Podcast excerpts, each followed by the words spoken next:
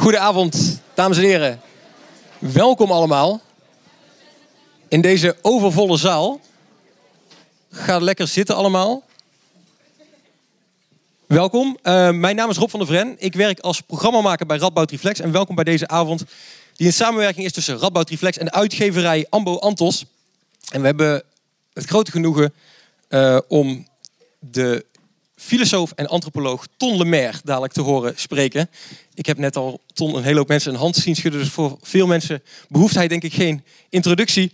Uh, maar Ton Lemaire uh, was jaren geleden hier uh, filosofiedocent aan de Radboud Universiteit. Hij doseerde daar cultuurfilosofie, maar verliet op een gegeven moment Nederland omdat hij het hier toch wel erg druk, lawaaierig vond en de natuur stond hem te veel onder druk. Het werd te verarmd hier in Nederland. En daarom verhuisde hij naar uh, een, een, boerderij afgelegen op het Franse platteland in de Dordogne. Daar woont hij nu al een aantal jaar. Uh, en we vinden het enorm leuk, maar ook een enorme eer dat hij vandaag weer teruggereisd is naar Nijmegen om voor u een lezing te geven. Um, hij komt spreken over zijn nieuwste boek. Hij heeft ontzettend veel boeken geschreven, dus het zou on doenbaar zijn om ze allemaal te noemen. Maar zijn laatste boek is dit, Onder Dieren. En over de thematiek van dat boek gaat hij zo dadelijk spreken. U ziet, ik heb speciaal voor de gelegenheid ook mijn trui met schaapjes erop aangetrokken. Om toch een beetje in het thema te blijven. um, na de voordracht van uh, Ton Lemaire uh, neemt ook filosoof Kees Leijenhorst van de Radboud Universiteit plaats om nog even met Lemaire in gesprek te gaan. En dan is ook de zaal geopend uh, de, de, de zaal is dan uh, aan het woord om vragen te stellen. Um, bovendien is ook het boek van Lemaire is te koop na afloop. Het is van harte aan te raden. Uh, hier dadelijk buiten. En voor de mensen die willen, Ton wil het ook wel signeren. Dus een unieke kans. Um, en na afloop van deze lezing is ook het Cultuurcafé hiernaast nog geopend. Voor de mensen die nog een drankje zouden willen drinken. En de rest mij nu niks anders dan graag een Hartelijk applaus voor Ton Lemaire.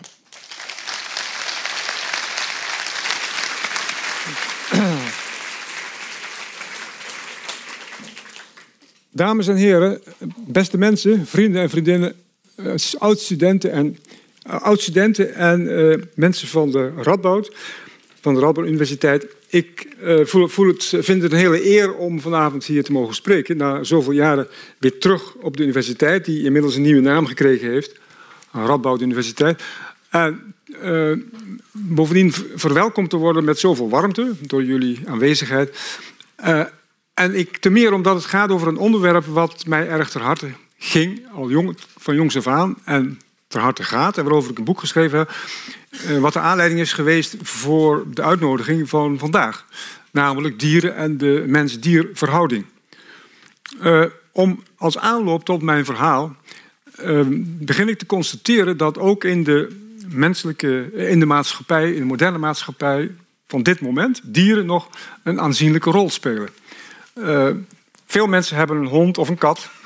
Veel mensen uh, gaan wel eens naar een dierentuin, al dan niet met de kinderen.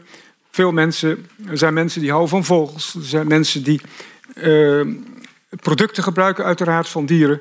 Ehm, melk, melkproducten, eh, honing, eieren en natuurlijk vlees. Er bestaat in brede kringen toch wel een bezorgdheid ook om de, vanwege de alarmerende berichten over diersoorten die met uitsterven worden bedreigd of al zijn verdwenen. We kennen ook het probleem van de overbevissing van de zee en oceanen en de quotering van bepaalde soorten vis. Men is op de hoogte van de bio-industrie met zijn megastallen en wordt af en toe opgeschrikt, zoals deze zomer, door allerlei ongevallen en ziektes die uitbreken. Interesse in dieren blijkt bovendien uit de populariteit van documentaires die je kunt zien op de televisie of in de bioscoop. Uh, de populariteit van boeken over dieren van allerlei soorten. Uh, onder andere natuurlijk over chimpansees. Uh, uit de tendens naar, ik noem nu een selectie van een aantal symptomen, tendens naar wat een aantal jaren geleden de natural horsemanship heette. Dus op natuurlijke manier zonder dwang omgaan met paarden. Nou, onder andere uh, getoond in die bekende film The Horse Whisperer. Uh, en in politiek is er niet te vergeten in de oprichting van een partij voor de dieren. Met inmiddels al vijf zetels, wat natuurlijk heel verheugend is in mijn, optie, in mijn opinie. De weerstand tegen die jacht in Nederland is na de oorlog, na de laatste decennia, eigenlijk steeds sterker geworden. Het doen van proeven met dieren is niet meer vanzelfsprekend. En in de jaren 70, 80 is opgekomen de beweging van dierenbevrijding in de Verenigde Staten, Engeland, hier ook. Die, uh, die kwam in het nieuws door harde acties, door dieren los te laten. En er begonnen ook boeken te verschijnen uh, over de, het, de, rechten van dieren en de, en de en ethiek van dieren. Bovendien is het geleidelijk het percentage vegetariërs uh, gestegen. En is het eten van vlees minder vanzelfsprekend dan vroeger. Veel restaurants bieden al een vegetarische schotel aan. En je bent niet meer een uitzondering als je vegetariër bent of veganist. In dierentuinen streven ernaar tegenwoordig om dieren steeds meer ruimte te geven, zowel binnen als buiten. uh, wanneer een olifantje geboren wordt in, in de gevangenschap, wat niet zo algemeen is, dan is het vaak voorpagina nieuws in de kranten. En in sommige dierentuinen heb ik gehoord, die huren of lenen een panda uit China voor veel geld. Die dan ook natuurlijk veel bekijks heeft, want het zijn bijzondere leuke dieren om te zien. Echte natuurliefhebbers zijn ook, weten dat de wolf, die in Europa lang vervolgd is en in veel landen was uitgeroeid, begonnen is aan een spectaculaire terugkeer en zelfs in Nederland zich vertoont, zoals onlangs op de Veluwe. U ziet, ik ben op de hoogte van.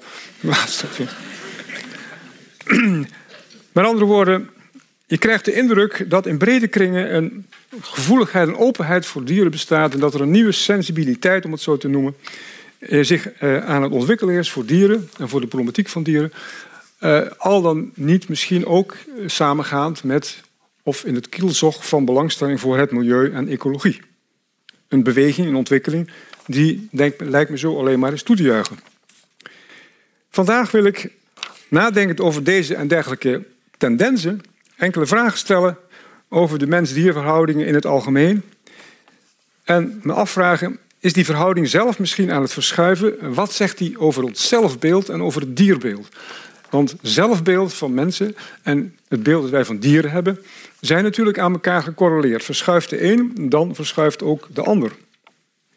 Mijn lezing gaat over dieren, maar evenzeer tegelijk onvermijdelijk over mensen. En over onszelf als dier.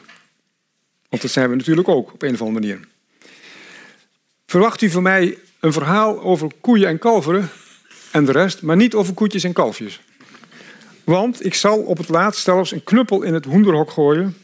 Al is het hok inmiddels geen hoenderhok meer, maar een megastal.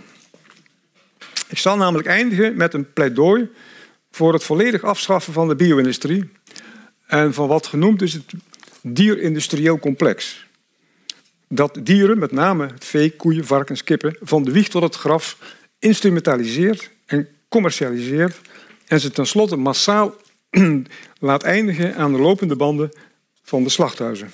De meest sinistere plekken van onze maatschappij.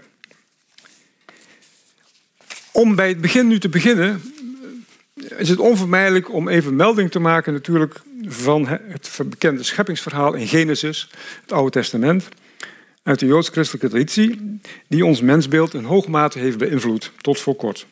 Daarin is, werd verteld, wordt verteld hoe dieren werden geschapen door God in een aantal dagen en dat God op het laatst de mens maakt naar zijn evenbeeld en duidelijk bedoeld als bekroning van de schepping. De mens werd namelijk geacht een sprankje te hebben van de godheid van God, namelijk een onsterfelijke ziel. En omdat mensen superieur zijn, werden geacht aan dieren, mochten zij ook over dieren heersen. Er staat een Hebreeuwse term die op diverse manieren is geïnterpreteerd, maar in de langste tijd is begrepen toch heel dicht bij het begrip heersen. Zij mogen dieren gebruiken, voor zich laten werken en ook eten.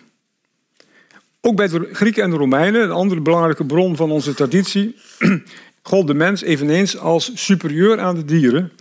Al is de kloof minder diep dan in Genesis. Superieur aan de dieren op grond van het bezit van logos, zoals de Grieken dat noemden, of de Romeinen ratio, dat wil zeggen verstand, taal, spraak, begrip. De behandeling die die dieren in Europa eeuwenlang hebben ondergaan, zijn gebaseerd geweest op een wereldbeeld en een mensbeeld. Dat dus, een, wat ik nu de twee voornaamste bronnen heb genoemd. Dat dus uit die twee tradities heeft geput en waarvoor theologen en filosofen steeds opnieuw argumenten hebben aangedragen. Tot pas in de moderne tijd, pas de laatste twee eeuwen, daar enige twijfel aan gerezen is.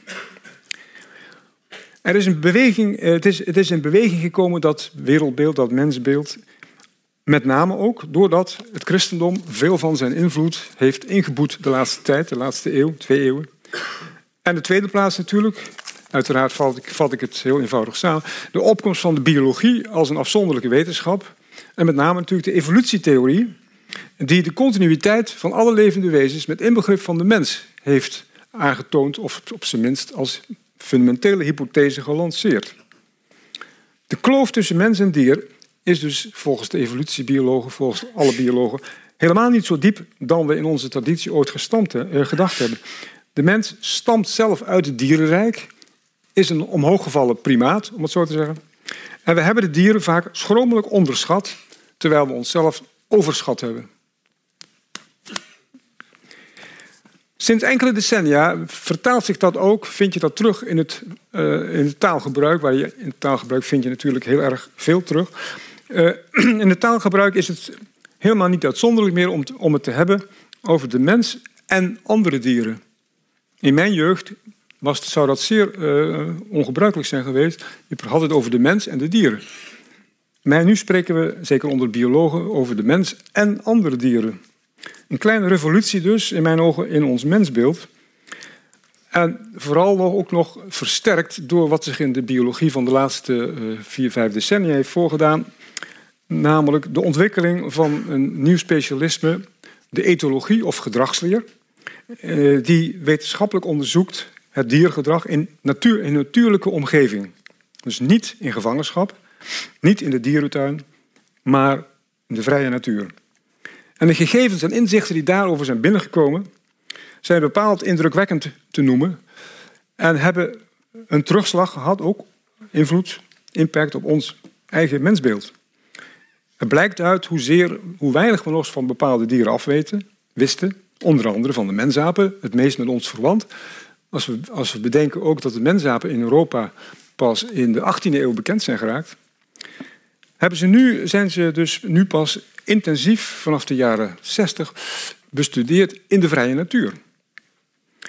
Men, hebben, men heeft dus kunnen constateren dat onze naaste verwanten, de, de chimpansees, die, waarmee we 6 miljoen jaar geleden nog ongeveer gemeenschappelijke voorouders hadden, dat die ook werktuigen kunnen maken en gebruiken. Dat ze ook zichzelf herkennen in de spiegel, dus een begin hebben van zelfbewustzijn. Dat ze sporen vertonen van rouw en doodsbesef. Dat ze kunnen doen alsof, ze kunnen veinzen. Ze kunnen elkaar voor de gek houden. Ook een belangrijke eigenschap van mensen natuurlijk. En ze kennen het begin van of sporen van incest, incestverbod. Wat ook bijzonder is, omdat altijd gedacht werd tot voor kort, alleen de mens kent een incestverbod. Ook bij olifanten, honden, paarden, dolfijnen, walvissen en raven en dergelijke komt gedrag voor dat wijst op grote intelligentie en een goed geheugen, om maar te zwijgen van de verbazingwekkende prestaties van insecten die de grote staten en samenlevingen vormen van mieren, termieten en uh, bijen. In, de, in het licht van deze en dergelijke gegevens, die de laatste 40, 50 jaar zijn binnengekomen, rijst inderdaad de vraag, die ook de titel is van het laatste boek, als ik goed ben ingelicht, van De Waal. Zijn we wel intelligent genoeg om de intelligentie van andere dieren te begrijpen? Kortom, veel dieren blijken hun gedrag in voorafschaduwing te vertonen van ons eigen gedrag. De scherpe grens die we getrokken hebben tussen onszelf en andere dieren vervaagt, met inbegrip van die tussen Homo sapiens en de andere primaten. Daar komt nog bij dat de reconstructie van de menswording door archeologen en paleontologen ook steeds complexer blijkt te worden. Dat vele millennia niet-menselijke primaten, mensachtige en bijna mensen of vroege mensen naast elkaar gelijktijdig hebben geleefd en misschien elkaar hebben beconcurreerd. Het vroegere beeld van een missing link of van een lineaire reeks is al lang verlaten. Tot voor kort definieerden wij dieren Meestal op grond van wat ze niet zouden hebben. Ze hebben geen echte ziel, ze hebben geen reden en taal. Ze hebben geen werktuigen. Ze hebben geen cultuur. Ze hebben geen zelfbewustzijn. Nu, al die definities, die componenten, moeten worden bijgesteld in het licht van de ontwikkelingen van in de biologie. En de vraag is dus, is er nog iets eigens aan de mens? Als we dus allemaal die dingen op een rijtje zetten, kunnen wij ons als mens nog op beroepen dat we iets speciaals hebben. Nu, in de filosofie is er in de jaren 30, 20, 30 van de afgelopen eeuw een specialisme ontwikkeld, de filosofische antropologie, die uh, daar probeerde uh, uit dat dilemma, in zekere zin in die tijd al, om een, de evolutietheorie en de gegevens daarvan in het nieuw mensbeeld te integreren. Hoe recht te doen aan dus het feit dat de veronderstelling dat de mens volledig deel uitmaakt van de evoluerende natuur en toch het specifiek menselijke te bewaren, niet uit het oog te verliezen. En als ik dat heel kort samenvat, komt het hierop neer. Men wees erop dat andere dieren in de mens in verschillende opzichten de baas zijn. Als het gaat om snelheid, om kracht, om behendigheid, om scherpte van zintuigen, om trefzekerheid van instincten. Terwijl juist mensen last hebben van onzekerheid, van twijfel, van aarzeling en van een heel lange periode dat ze hulpeloos zijn. De mens werd dus door een van deze filosofen een wezen van gebreken genoemd, een mengelwezen in het Duits. Maar van de andere kant is er ook op gewezen, dus de andere kant van de medaille is dat juist dat mens, juist dankzij die tekorten, dankzij datgene wat hij ogenschijnlijk tekort heeft vergeleken bij veel diersoorten, ook een speling heeft, een grotere vrijheid en speling heeft. Een hiaat heeft tussen impuls en handeling. En dat, dat hem in staat stelt en hem ook dwingt om als het ware zichzelf voortdurend uit te vinden. Dieren hebben, is de veronderstelling, uh, hebben een, ieder volgens zijn soort een eigen omweld, waarbinnen hij door zijn instincten gedreven heel, uh, moet ik zeggen, trefzeker te werk gaat. Die betekenisvol voor hem is en vitaal voor zijn overleven. Terwijl de mens een wereldopen wezen is, dus een universele, universele omweld heeft, de wereld. Weliswaar de instinctieve zekerheid van het dier mist, instinctarm is, maar daardoor juist veelzijdig. En daarmee samenhangend ook omnivoor. De mens is omnivoor, juist vanwege zijn veelheid en zijn niet vastgesteld zijn. De, mens is als niet vast, vastgesteld dier. Kortom, wat eerst zijn biologische tekorten leken te zijn, zijn juist zijn grote troeven, maken zijn kracht uit. Daarom is de mens ook de weg op kunnen gaan van de cultuur. Is de mens van nature een cultuurwezen geworden. Men kan dus op deze manier de dierlijkheid van de mens ten volle erkennen en toch recht doen aan zijn specifieke uh, leefwijze, zonder nodig te hebben een bepaalde scheppingsdaad van een veronderstelde transcendente godheid.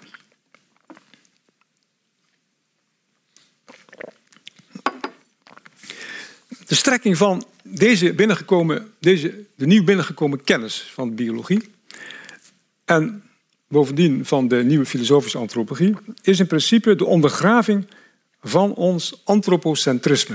Ik kom nu met een, bij een term uit die een rol zal spelen ook in de rest van mijn betoog.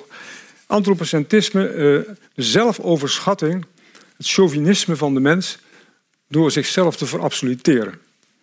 Biologen spreken wel van speciesisme, de verabsolutering van je eigen soort, species, de arrogantie van de soort. Ik wil die kritiek uh, die hieruit voortvloeit, de poging dus om het antropocentrisme te corrigeren, vergelijken met de kritiek op het racisme en op het etnocentrisme, met name in zijn variant van het eurocentrisme, de verabsolutering van het ras, van het eigen ras, van de eigen cultuur en met name van de Europese cultuur. En ook natuurlijk van het viricentrisme, de verabsolutering van het mannelijk perspectief. In al die drie varianten gaat het steeds om de strijd om erkenning van wat gold als de andere tegenover ons. om kritiek op de praktijken die werden gelegitimeerd vanuit het centrisme van het ras, het centrisme van de cultuur en dergelijke. En die werden gelegitimeerd door verhalen, door mythen, door ideeën, door ideologieën. Ik meen nu, dat is een stelling die ik zou willen verdedigen, dat de laatste etappe, de waarschijnlijk laatste etappe in deze reeks, de kritiek is op een nog dieper gelegen centrisme, namelijk het antropocentrisme, dat de menselijke soort als zodanig verabsoluteert en de onderwerping en exploitatie en vernietiging van dieren en dierenlevens legitimeert. Want als we naar de geschiedenis kijken van de mensheid, zien we dat voor een belangrijk deel die geschiedenis, zeker van de laatste 10.000 jaar, is gerealiseerd door de exploitatie en onderdrukking van anderen.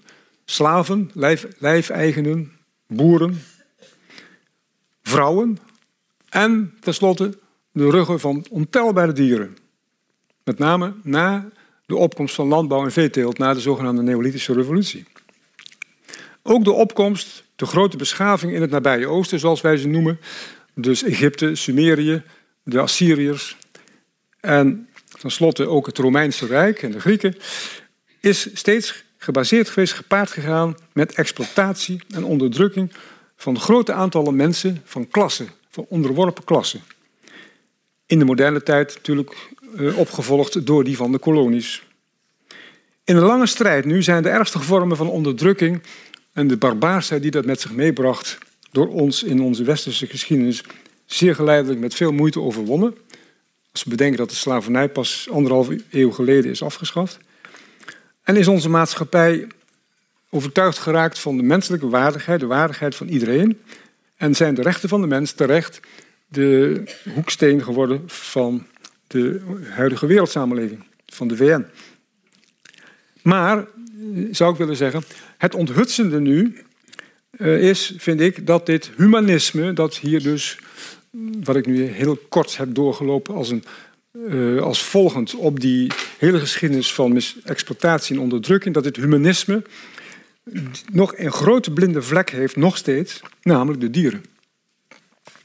Ook onze eigen moderne vooruitgang en welvaart zijn voor een niet onbelangrijk deel gebaseerd op de exploitatie van dieren en hun onderdrukking en hun macht over hen. Dit is in veel kringen nog volkomen vanzelfsprekend en impliciet, vaak impliciet en onbewust, gaat men er nog steeds vanuit dat dieren er zijn voor de mens als heerser en bekroning van, de, van alle leven.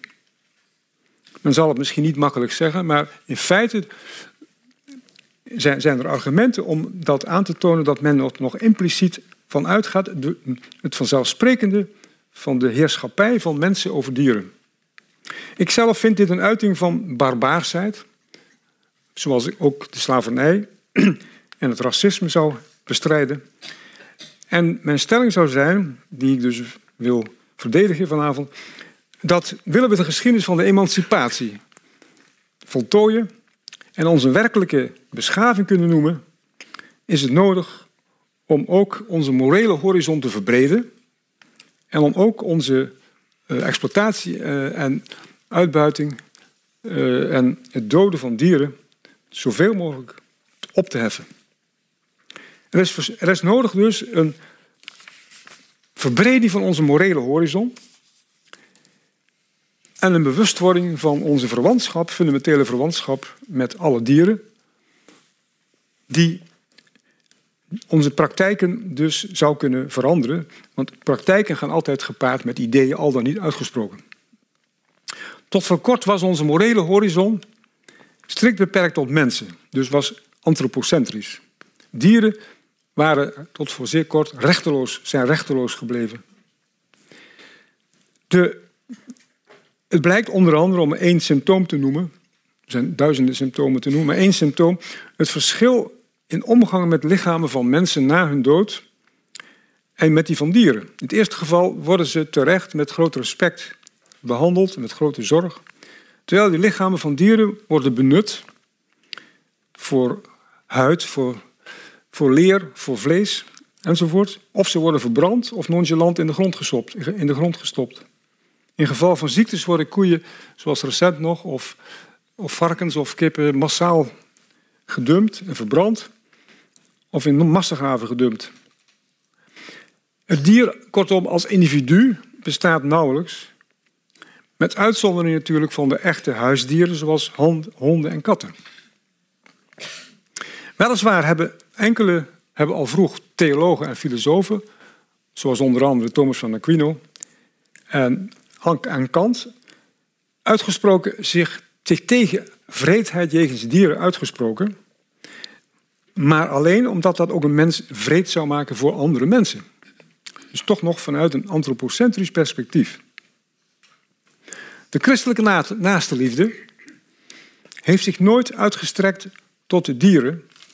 En de bekende categorische imperatief van Kant, dat je dus een andere mens nooit als middel mag gebruiken, maar altijd als doel in zichzelf moet behandelen, heeft nooit voor dieren gegolden, tot voor zeer kort. Nu is mijn overtuiging dus dat we een stap verder moeten gaan en dat we moeten, zouden kunnen komen tot een humanisering van onze verhouding tot dieren. Met, met, met het afschaffen, in het afschaffen van bestaande barbaarse praktijken als het fokken van dieren vanwege hun vlees. Zolang, en ik citeer nou uh, niet onbekend iemand, namelijk Gandhi, zolang we doorgaan onze medeschepselen op dergelijke manier te behandelen voor onze lichamelijke behoeften, kunnen we onze leefwijze moeilijk beschouwen als waardig en spiritueel. Ik wil nu verder nader ingaan naar deze wat algemene opmerkingen op de toestand van dieren in de wereld nu, op dit moment. En daarbij onderscheid ik gemakshalve uh, drie, een drietal categorieën van dieren. De eerste zijn natuurlijk de, de wilde dieren, die kunnen verdeeld, die, sorry, de, ik onderscheid de wilde dieren en de gedomesticeerde dieren. En de laatste twee in twee categorieën. Maar om eerst iets over de wilde dieren te zeggen. De eerste dus de wilde dieren, dus die, uh, zoals wij toch wel enigszins nu in breed, brede kringen uh, ons zijn bewust geworden, hebben het in veel gebieden moeilijk als gevolg van de gestage expansie van de menselijke bevolking en bewoning en de daaraan verbonden uh, processen van ontbossing, erosie, ecologische verarming, jacht en stroperij, vervuiling, overbevissing van de oceanen en dergelijke. Meerdere soorten zijn de laatste, al deze eeuw uitgestorven en tientallen andere worden bedreigd met uitsterven. En zoals ooit uh, de Koos van Zomeren in een column al lang geleden heel goed in één zin opmerkte, uitsterven is wel een heel erge vorm van doodgaan. De voorspellingen die gedaan worden door biologen zijn heel dramatisch. Want men spreekt zelfs van de zesde golf van uitsterven, die nu mogelijkerwijs begonnen is. En waarvan wij dus, waarvan wij dus de, uit, de oorzaken zijn. De laatste golf, de voorlaatste golf, heeft zich ongeveer 65 miljoen jaar geleden voltrokken. Door een inslag waarschijnlijk van een gigantische meteoriet bij Yucatan in Mexico. En toen zijn de grote sauriërs uitgestorven. En hebben de, daarna overigens de, de zoogdieren en de primaten een kans gekregen om te gaan domineren. Eh, we weten, eh, om even twee kleine voorbeelden te geven, we weten hoe makkelijk, hoe snel het kan gaan, bijna ongemerkt, die uh, uitroeiing van dieren. In het recente verleden, een dramatisch voorbeeld, de Amerikaanse bison, die toen de blanken in Amerika kwamen, in Amerika kwamen uh, ongeveer, waren naar ruwe schatting tussen de 20 en 50 miljoen bisons. En in 1880 waren er nog een stuk of 12 over, die op het laatste nippertje gered zijn. Ze hadden een toevlucht gezocht in een uh, afgelegen vallei van de Rocky Mountains. En daar stammen nu alle huidige bisons vanaf. Maar er zijn dus miljoenen bisons verdwenen en voor een groot deel dus gewoon uitgeroeid en neergeknald door Europese, Amerikaanse, Europese jagers. Een ongelooflijke moorddadigheid. En een andere uitsterven staat te wachten als het zo doorgaat met de Afrikaanse olifant. Die overal hard achteruit gaat, omdat er elk jaar 30.000 olifanten gestroopt worden wegens het ivoor, illegaal gestroopt. 30.000 en de populatie van olifanten de, niet door de natuurlijke aanwas niet op peil gehouden wordt. er worden minder geboren dan er gestroopt worden. Want de aantallen zijn nu geslonken tot tussen de 500 en 600.000, terwijl ze 50 jaar geleden nog iets van 2 of 3 miljoen waren. Met andere woorden, het zou wel een schande zijn als nu zelfs de Afrikaanse olifant, icoon van de wilde natuur, de gave natuur in, in Afrika, ook nog een keer met uitsterven zou worden bedreigd. Wat betreft de getemde dieren, de gedomesticeerde dieren, wil ik een onderscheid maken, en dat ligt ook voor de hand natuurlijk, tussen aan de ene kant honden en katten en ook paarden die een categorie op zichzelf vormen. Honden en katten zijn in het algemeen zitten, zitten in het huis en paarden wonen dan meestal niet in je huis, maar wel vlak in de buurt, maar hebben ook een, toch een speciale status. En die worden in de westerse wereld in ieder geval sinds twee eeuwen, want dat is niet altijd zo geweest, behoorlijk uh, vertroeteld, goed behandeld en zelfs vertroeteld. Misschien zelfs een beetje te veel vermenselijkt. En hebben kunnen profiteren misschien ook van de ontwikkeling van de welvaartsmaatschappij. Zijn als het ware deel geworden van het gezin. En in zekere zin zijn ze als het ware een soort elite van de dieren geworden. Vergeleken met het vee. Het vee namelijk, het, dus de koeien, de, de kippen, de varkens, de konijnen. Wat het vee betreft kun je zeggen dat de traditionele kleinschalige veeteelt, vooral van het gemengde bedrijf, bijna overal plaatsgemaakt heeft voor de bio-industrie. Waarbij zeer grote aantallen dieren in gesloten stallen worden gehouden en niet of nauwelijks meer ooit buiten komen. Voeding, afvoer van mest en dergelijke zijn allemaal gemechaniseerd. En zelfs het eieren leggen van de kippen, de eieren worden op een lopende band afgevoerd. Op deze manier kunnen dus op duizenden varkens en koeien en tienduizenden kippen op hele kleine ruimte, oppervlakte worden gehouden, zodat ze dus uiterst weinig bewegingsvrijheid hebben. Ze kunnen niet hun normale leven leiden, nog hun sociale, normale sociale contacten onderhouden, gaan lijden aan verveling en stress en gaan dus verdrag vertonen zoals het elkaar pikken, het staarten afbijten bij de varkens en zelfs gevallen van cannibalisme bij varkens.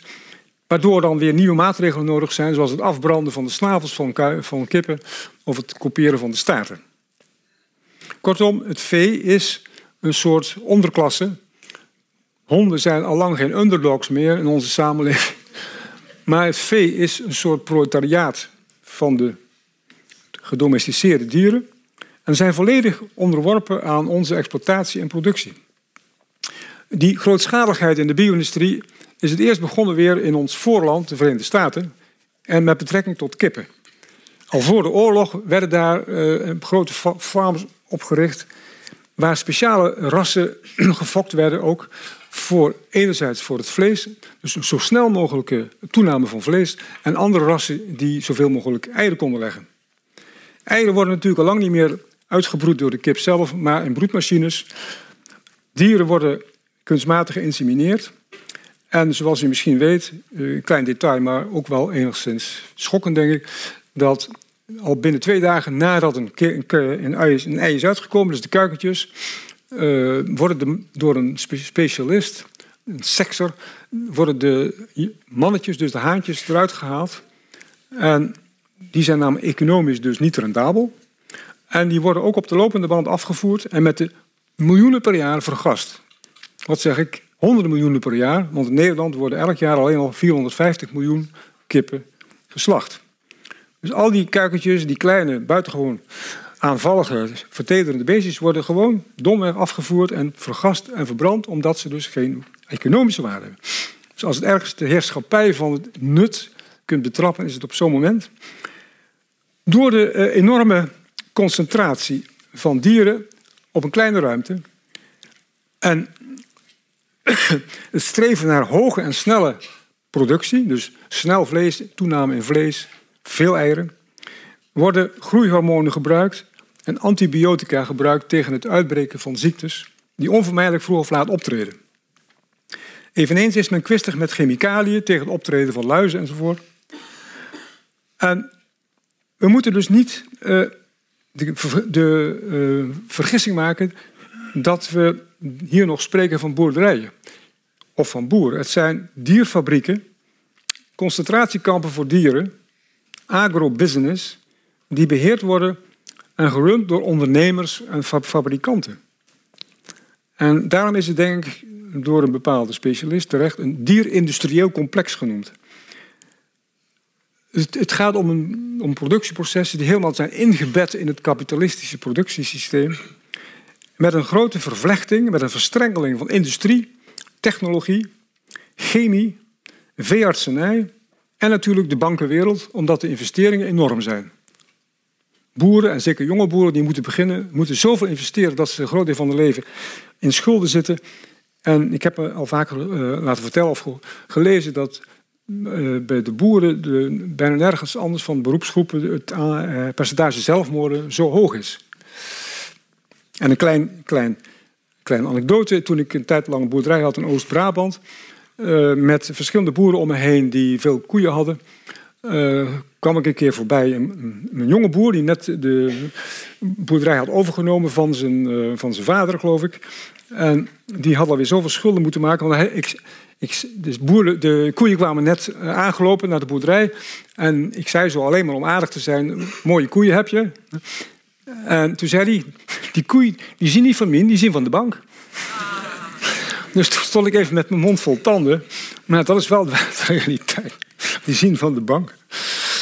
Als ik, als ik het Brabants goed nadoe. Hè, dat, uh... Kortom, er vindt plaats een totale uh, instrumentalisering van het dier. Waarbij alles gericht is op rendement, efficiency, winst. Net als in de 19e eeuw, toen de arbeidskracht van arbeiders werd uitgeperst tot het uiterste, perst men nu maximum rendement uit de dieren. En de bio-industrie laat dus in mijn ogen zien hoe ver men kan gaan in het kapitalistisch exploiteren van organische wezens. Zij worden dus louter gereduceerd tot dingen, tot machines die vlees leveren, melk of eieren. Het dier als individu, zoals dat vroeger nog in mijn jeugd rondliep op de boerderij, die ook geslacht werden, die ook voor de, het nut waren, hadden nog een naam. nu hebben ze hooguit een nummer. De massa van dieren, de dieren zijn door hun massa anoniem geworden en gaan ook anoniem naar het abattoir, waar hun treurige levens zullen eindigen. Deze slachthuizen liggen meestal op afgelegen plaatsen, hebben geen vensters en komen zelden in de publiciteit. Hier vindt dus het dagelijkse bloedbad plaats, waarbij duizenden dieren ook weer aan de lopende band worden gedood en verwerkt. De mensen, om daarmee te beginnen, de werkers daar, werken er onder grote druk en in een hoog tempo. Nergens heeft een van de, een van de sectoren uh, waar het ziekteverzuim hoog is en ook veel ongelukken gebeuren. Het is zwaar en onaangenaam werk. De mensen doen het bepaald niet voor de lol. Er zijn veel allochtonen die er werken. Die waarschijnlijk blij zijn dat ze, dat ze werk hebben. En je moet je voorstellen, overal is bloed en stank. Dieren kreunen en rochelen.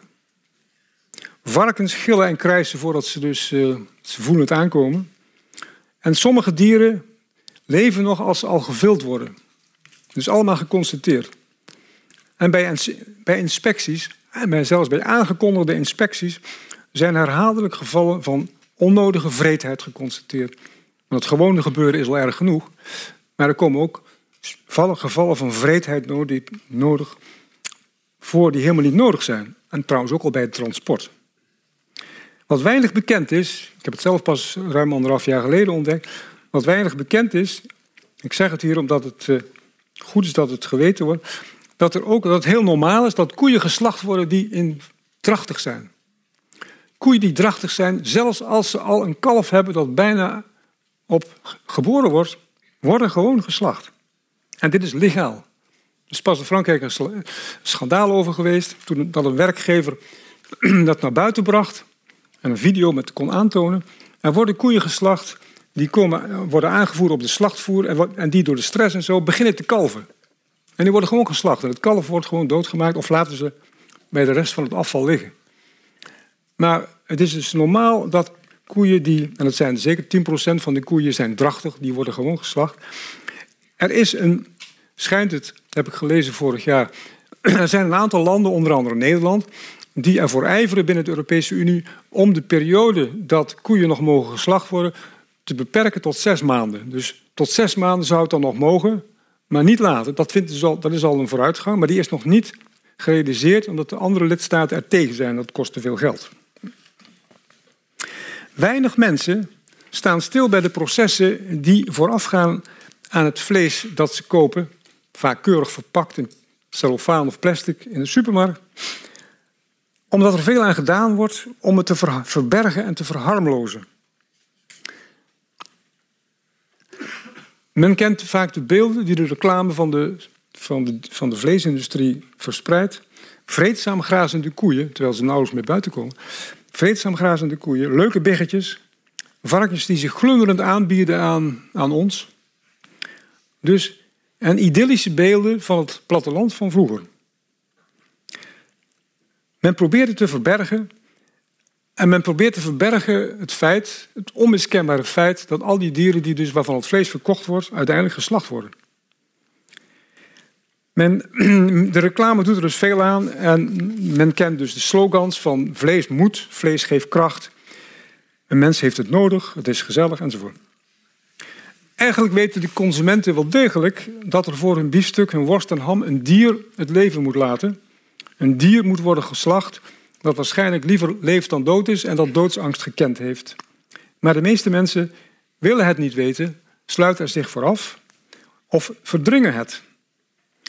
Er bestaat in mijn ogen een schrijnende dubbelheid tussen de manier waarop mensen omgaan met hun hond of een kat of met hun paard en anderzijds met het slachtvee. De eerste categorie vertroetelen ze, vermenselijken ze en de andere verdingelijken ze. De andere zijn de underdogs, om het zo te zeggen, zijn het proletariaat. Dat is een soort schizofrenie, uh, een soort dubbelheid, een, wat psychologen genoemd hebben een cognitieve dissonantie, waarbij twee totaal verschillende houdingen toch in één bewustzijn worden gecombineerd. Een dubbelheid die, en dat is interessant, die, waarvan ik het, de oudste sporen gevonden heb in een bekend, beroemd geschrift zelfs, namelijk de Utopia van Thomas More. Thomas More heeft in 1516 een geschrift geschreven waarin hij zich voorstelde een imaginaire, ideale samenleving, die hij genoemd heeft Utopia, nergenshuizen, en die hij situeerde op een eiland.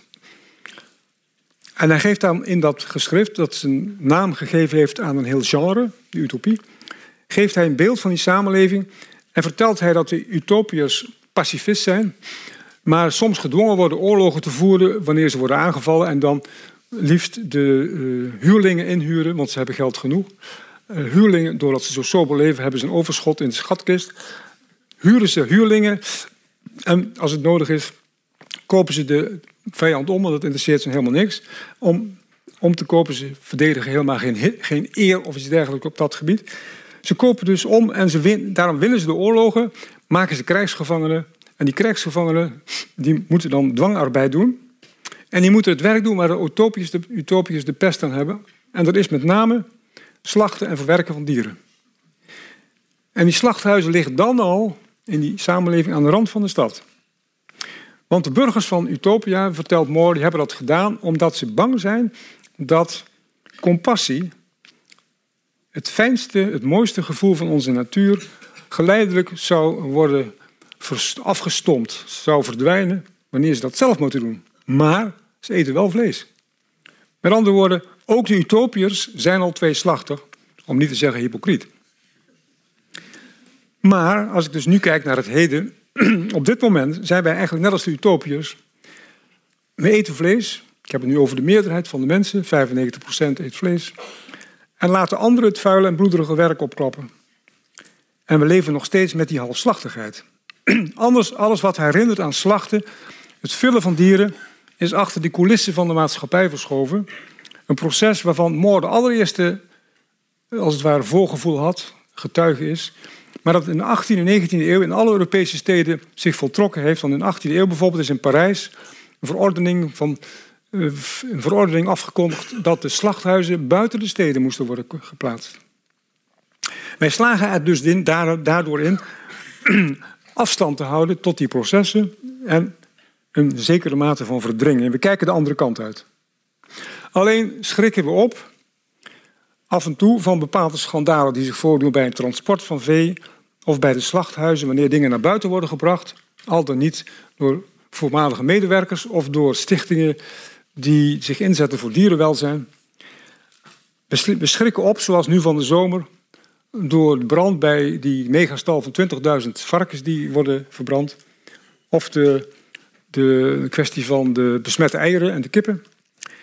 Uh, we schrikken op en daarna gaat alles gewoon door. Er worden wat maatregelen genomen. En het dagelijkse bloedbad, om het zo te noemen, gaat gewoon door. En dat gaat met grote aantallen.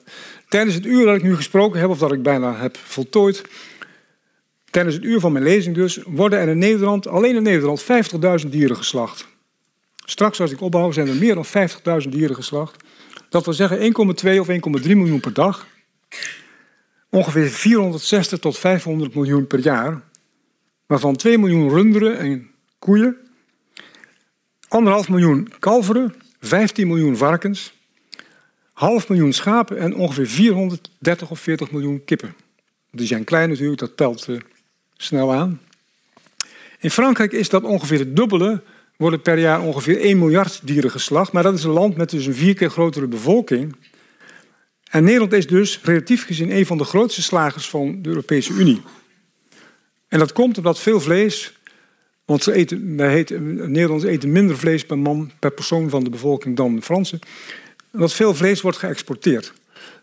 Veel eh, varkens- en kippenvlees wordt geëxporteerd. Nederland is de tweede exporteur ter wereld in landbouw- en veeteeltproducten.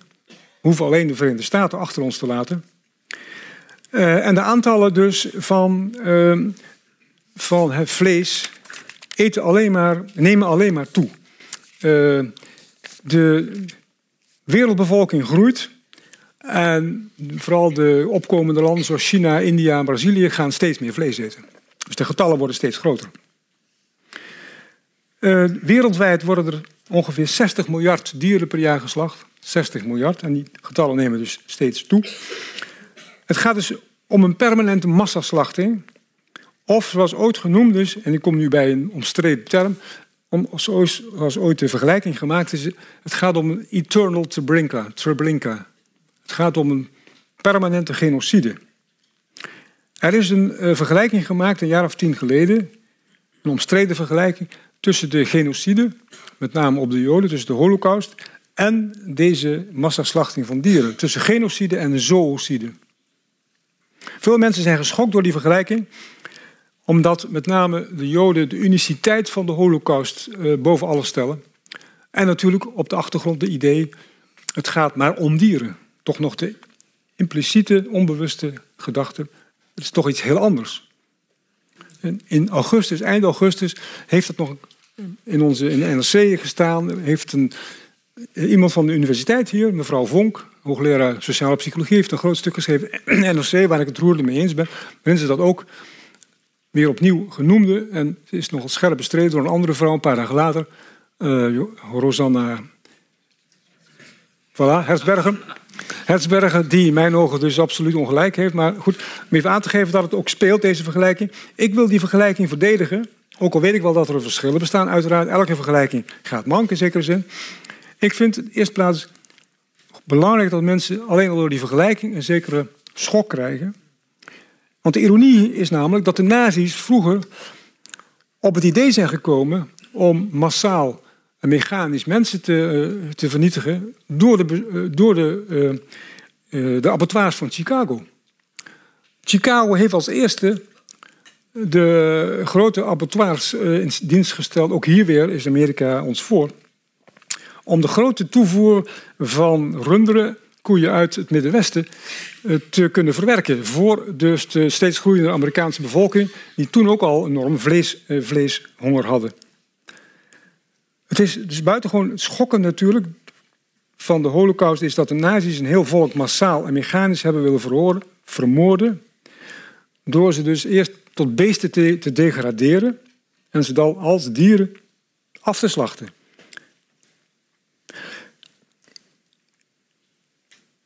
En iets dergelijks is nu het geval, vind ik, bij een, de massamoord op dieren, het slachten van dieren. Want die dieren worden eerst als het ware gereduceerd tot slechts dieren, tot dingen, tot radertjes in het systeem van hm, productie. Van productie van uh, uh, eenheden in, ter, ter wille van vlees en uh, eieren en melk voordat ze worden opgeofferd aan onze eigen behoefte aan vlees. En dat we dus kunnen beschikken over hun levens als iets vanzelfsprekend. Aan de ene kant een verdierlijking van de mensen, en aan de andere kant een ontdierlijking van het dier. En zo worden dus in de wereld elke dag miljoenen weerloze dieren die de pech hebben, die ons niets misdaan hebben, maar die de pech hebben dat ze als dier worden geboren en zich in de macht van Homo sapiens bevinden. Ikzelf, en dat spreekt natuurlijk al uit voorafgaande, vind heel dit vind het dierindustriële complex met inbegrip van de abattoirs een schandvlek in onze samenleving die zo spoedig mogelijk zou moeten verdwijnen. En ik heb het dan nog niet eens gehad over andere manieren waarop dieren in mijn ogen worden gebruikt als dingen. Die worden gedomineerd door mensen, namelijk de jacht, legaal of illegaal, die in de wereld ook nog steeds tientallen dieren treft. Uh, ik heb het niet gehad over stierenvechten, 12.000 dieren ongeveer per jaar.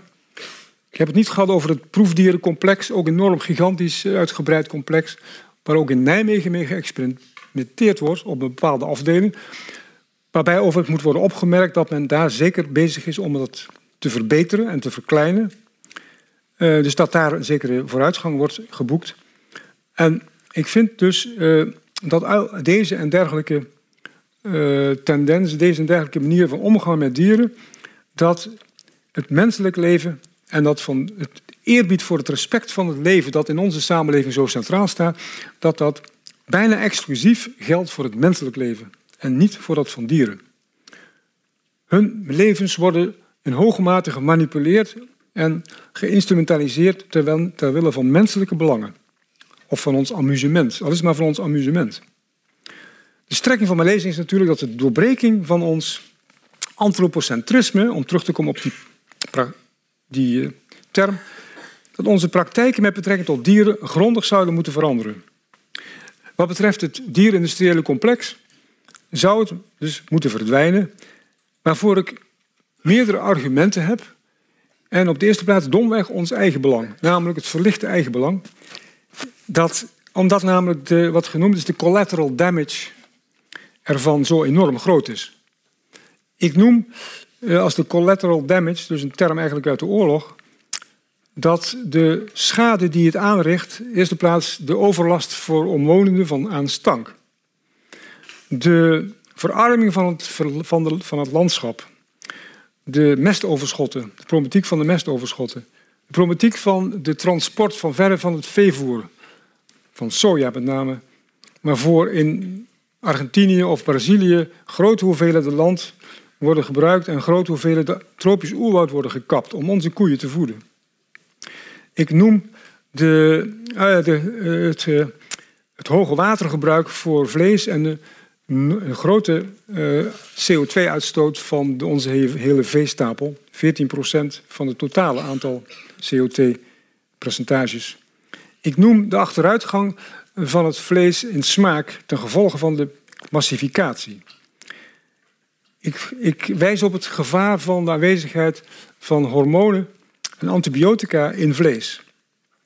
En vlees eten is helemaal niet zo gezond als zodanig. Veel vlees eten al helemaal niet. Maar het vlees eten is weliswaar natuurlijk, want we zijn nu eenmaal omnivoor, maar even natuurlijk zou het zijn om geen vlees te eten. We zijn veelzijdig. En de strekking is van mijn verhaal dat de mensheid er veel mee gebaat zou zijn dat wij vegetariër zouden worden of slechts zeer weinig vlees zouden eten. De vleesconsumptie zou enorm beperkt worden daardoor met een grote uh, voordeel voor veel, op veel van die gebieden die ik heb opgezond.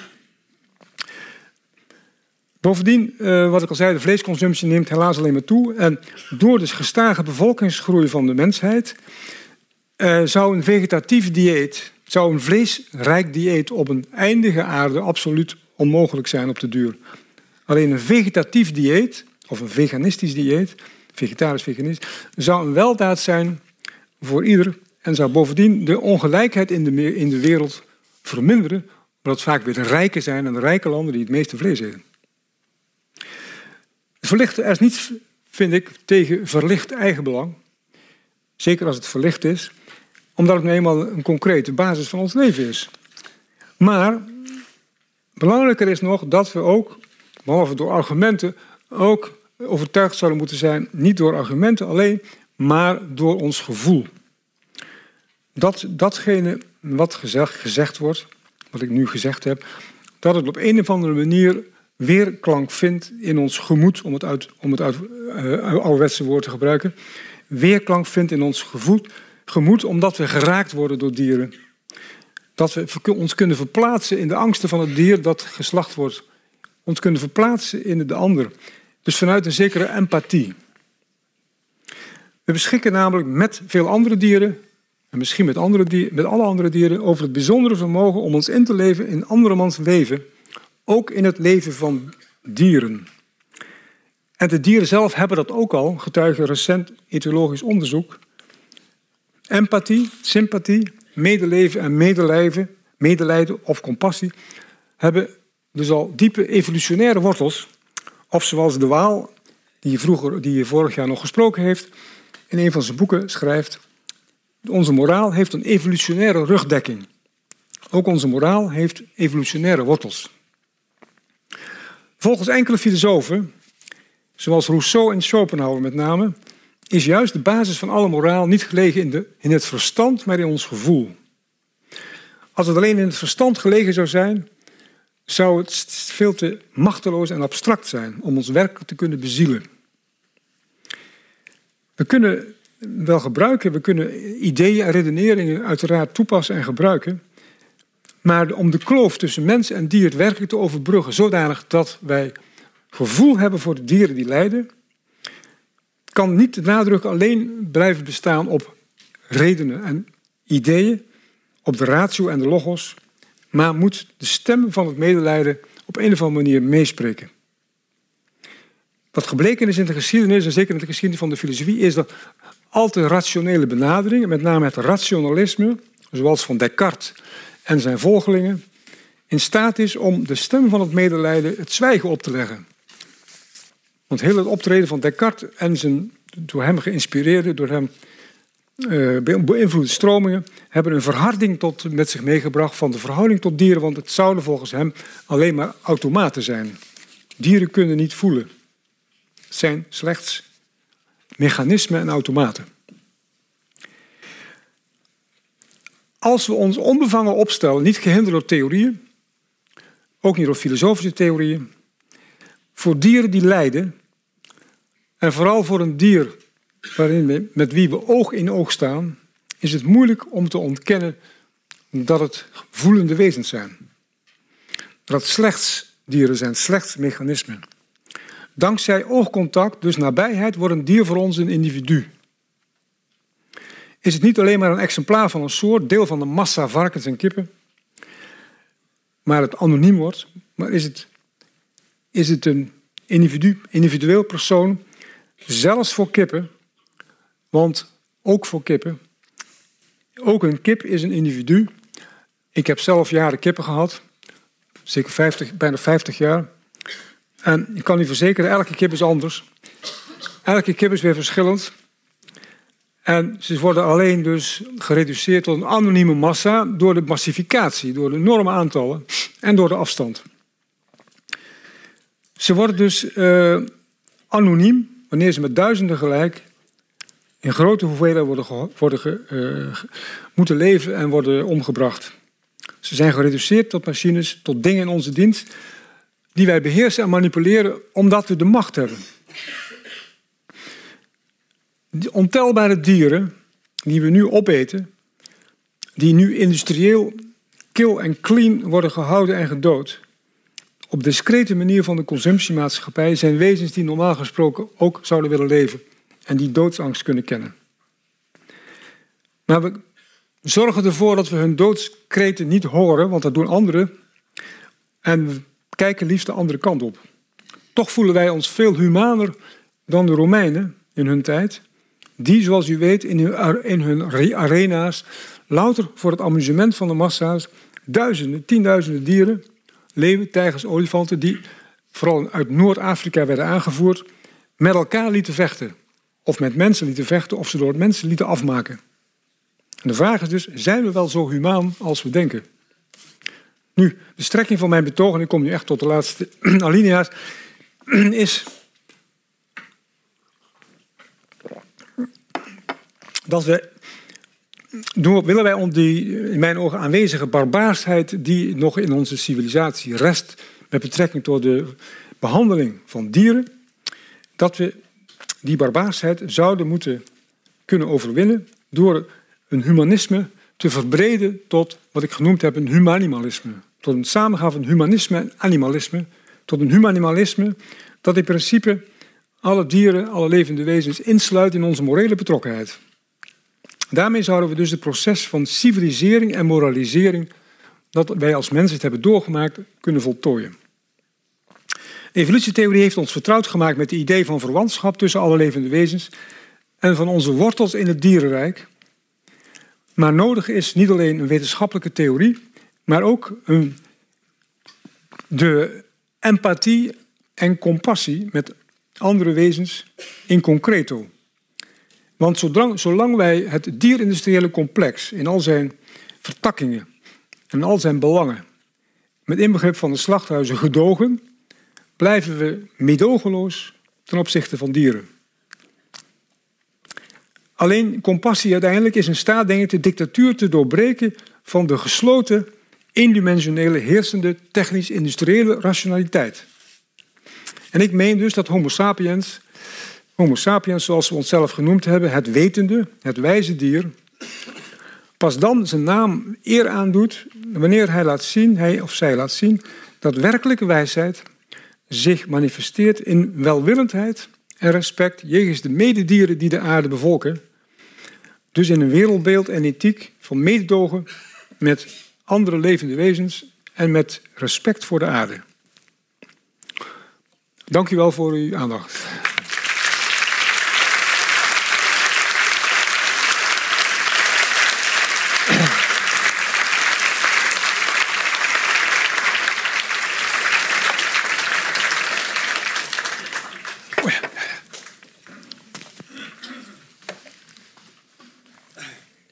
Dankjewel voor dit uh, hartstochtelijke uh, pleidooi. Misschien bij het laatste te beginnen, dat uh, humanimalisme, waar je laatste hoofdstuk, laatste twee hoofdstukken van je boek uitvoerig over, over hebt. Ja.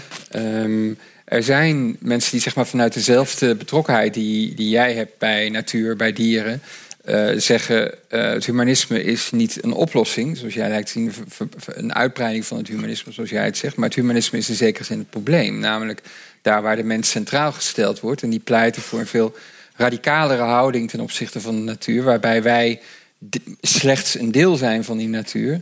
Uh, in plaats van inderdaad de hoeder, de beheerser, et cetera. Dus hoe, verhoud je, hoe verhoudt jouw ver, verruiming van het humanisme zich tegen pleidooien die tegen antropocentrisme en vanuit anti-antropocentrisme ook tegen het humanisme, tegen het klassieke. Ja, je wil zeggen dus mensen die radicaler zijn dan ik? Ja, zeker. Precies. Nou, ik dacht, ik vind, me, ik vind mezelf al vrij radicale positie innemen. Ja. Dus dat had ik, had ik niet verwacht, deze vraag. Ja. Ik had eerder gezegd het tegenovergestelde. Nou, ik heb heel uitdrukkelijk ook geprobeerd om, uh, hoe zal ik zo zeggen... um, ik heb geprobeerd tot een zekere uh, verzoenende houding. In die zin dat ik niet de, de, wat in mijn ogen de verworvenheden van onze hele cultuurgeschiedenis hè, en ideeëngeschiedenis, dus in de vorm van het humanisme, prijs te geven voor het totale uh, tegenovergestelde. Maar een verruiming daarvan die een doorbreking van het antropocentrisme is, zonder ook de waardigheid van onszelf volledig als het ware door te strepen, alsof we er niks mee te maken hebben. Dat vind ik een andere uiterste. Ik wil niet van het ene in het andere uiterste vervallen. Mhm. En dat geldt ook nog voor iets waar we straks misschien uh, op terug kunnen komen. Uh, ik probeer dus in dat humanimalisme het antropocentrisme te overwinnen. Wel beseffen dat ik dat als mens doe. En dat ik dus als mens mezelf probeer te relativeren. En dat ik ook geen zin heeft om mezelf te verloochenen, omdat ik niet besta. Ik heb ook Mhm. belangen als dier. Mhm. Ik ben een van de dieren, maar ik ben het enige dier voor zover wij weet dat op kan komen voor alle dieren.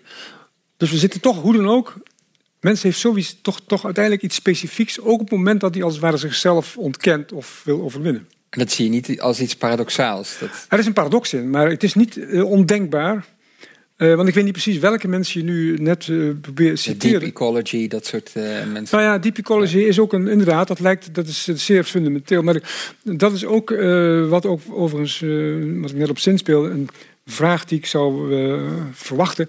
Wat is dan het alternatief? Hè? Als je dus mhm. geen bio-industrie helemaal wil enzovoort enzovoort. dan ben ik, ben, je, ben je dan abolitionist? Ben je dan voor de afschaffing van elke uh, onderwerp, onderwerpenheid, onderworpenheid van dieren enzovoort, of niet? Uh, dan ben je, ben je, dan dierenbevrijder, alle hokken open. Hè? En, mhm. dan, en, dan, ben ik er ook toch voorzichtig mee, om redenen die ik misschien straks nog kan uiteenzetten. Nou, doe nou maar. maar ik weet niet of ik dat. Uh, ja, ik weet niet of die vraag die je net stelde al, al enigszins beantwoord is of niet. Ja, maar het leidt naar de volgende. Ja. ja. Nou ja, kijk, het. Ik heb er lang over geazeld hoor. Uh, om dezelfde reden dat in mijn boek, uh, voor zover mensen het gelezen hebben, het, uh, ik weinig aandacht aan het veganisme heb besteed. Ik ben wel vegetariër, maar geen veganist. En nu kan ik zeggen, ja, waarom ben ik veganist? en niet, waarom ben je niet radicaler? Ja, hetzelfde verhaal. niet alleen, laat ik zeggen, heel simpel, concreet, omdat ik eieren, van eieren hou. Omdat ik van honing hou. Omdat ik van niet zozeer van melk, maar wel van melkproducten als kaas enzovoort. Mm. Dus in zoverre kom ik ook op, op, op, op voor mijn behoeften. Als toevallig deze primaat die ik ben. maar het, uh, en twee, ik heb twee concrete, mag ik misschien mee beginnen, concrete redenen om te denken dat ik op twee punten het niet hoef. Namelijk, ik heb al heel lang kippen dus en die, mm, al jaren lopen die volkomen los. En die, die hebben wel een hok waar ze s'nachts veilig, die ik dan elke, elke avond dicht doe, om ze te beschermen tegen de vos. Uh, ik raap de eieren. Maar minstens eh, vier maanden per jaar leggen ze niet. Zijn ze dus in de rui. Dus een natuurlijke kip die legt uh, namelijk een deel van het jaar niet. Dat accepteer ik dus helemaal. Ik doe niets om het leggen te stimuleren. Dus ze zijn heel vrij. ik slacht ze niet. Ze hebben dus een goede oude dag, ook als ze jaren niet leggen. Dus ze zijn zoveel mogelijk toch zichzelf, om het zo te zeggen. Maar ik zeg niet geen kippen meer. Uh, en datzelfde geldt voor bijen. Ik heb ook al heel lang bijen. Maar dat is een, uh, ook een, een, apart verhaal. Wat ik heel kort moet doen, want je moet natuurlijk eigenlijk iets van de bijenteelt afweten om dat uh, te kunnen plaatsen. In de Nederlandse situatie was het zo, waar ik dus ook vroeger bijen had. Dat is dat Nederlandse imkers die nemen de bijen in principe al hun honing af. En geven daarvoor in de plaats 10 kilo vloeibare suiker. Als wintervoorraad, want die beesten moeten dus voorraad hebben. En in Frankrijk, als je dat niet doet, zou je namelijk als imker in Nederland heel weinig honing hebben, omdat eh, de oogsten veel te schralen voor zijn. In Frankrijk daarentegen is de natuur veel rijker en ook de winter korter. Heb ik veel hogere opbrengsten, minstens twee of drie keer zoveel. En met andere woorden, ik laat ze hun eigen voorraad en ik neem alleen het surplus af. En dat surplus is zodanig dat het, nog dat het voor mij genoeg is. Ik doe ze dus, en bij is nu helemaal natuurlijk een specifiek voorbeeld, omdat bijen eigenlijk nog helemaal wild zijn. Die zijn nooit echt gedomesticeerd in de zin van dat ze jou als imker herkennen. Die, zijn, die voltrekken gewoon hun normale cyclus. En beroepsimkers die doen heel wat ingrepen in die bijen, omdat ze dus op allerlei vernuftige manieren hun, hun levenscyclus kunnen beïnvloeden. En ook weer gaan optimaliseren. In de Verenigde Staten bijvoorbeeld zijn imkers die hebben duizenden bijen. Du uh, bijenkasten, bijenvolken. En die gaan van de ene akker naar de andere om zoveel mogelijk productie weer. Die hebben dus ook hele grote, op, uh, hele grote uh, opbrengsten. Maar het is ook een soort bio-industrie dus. Het is inderdaad een soort ja. bio-industrie. Aan het worden met allerlei mogelijke gevolgen voor allerlei problemen in Amerika. Uh, in zoverre is het dus, zijn dat voor mij grensgevallen waarvan ik denk, denk dit kan ik doen. Mm -hmm.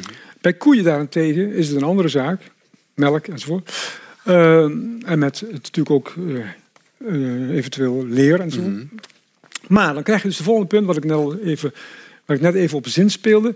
Uh, ben ik dan een abolitionist? Hè? Ben ik dus mm. voor absolute afschaffing van alle dienstplichtigheid van dieren aan mm. menselijke belangen? Of ben ik dus dierenbevrijder die alles. Uh, en dan denk ik nee. En waarom niet? Uh, dan zou het betekenen dat wij de hele geschiedenis van de domesticatie, die in Europa ongeveer 10, miljoen, 10 millennia geleden mm-hmm. begonnen is, in zekere zin proberen te niet te doen. Mm-hmm. En er is nogal veel gevraagd natuurlijk, nog afgezien van de mogelijkheid hoor, want je krijgt niemand daarvoor mee uiteraard.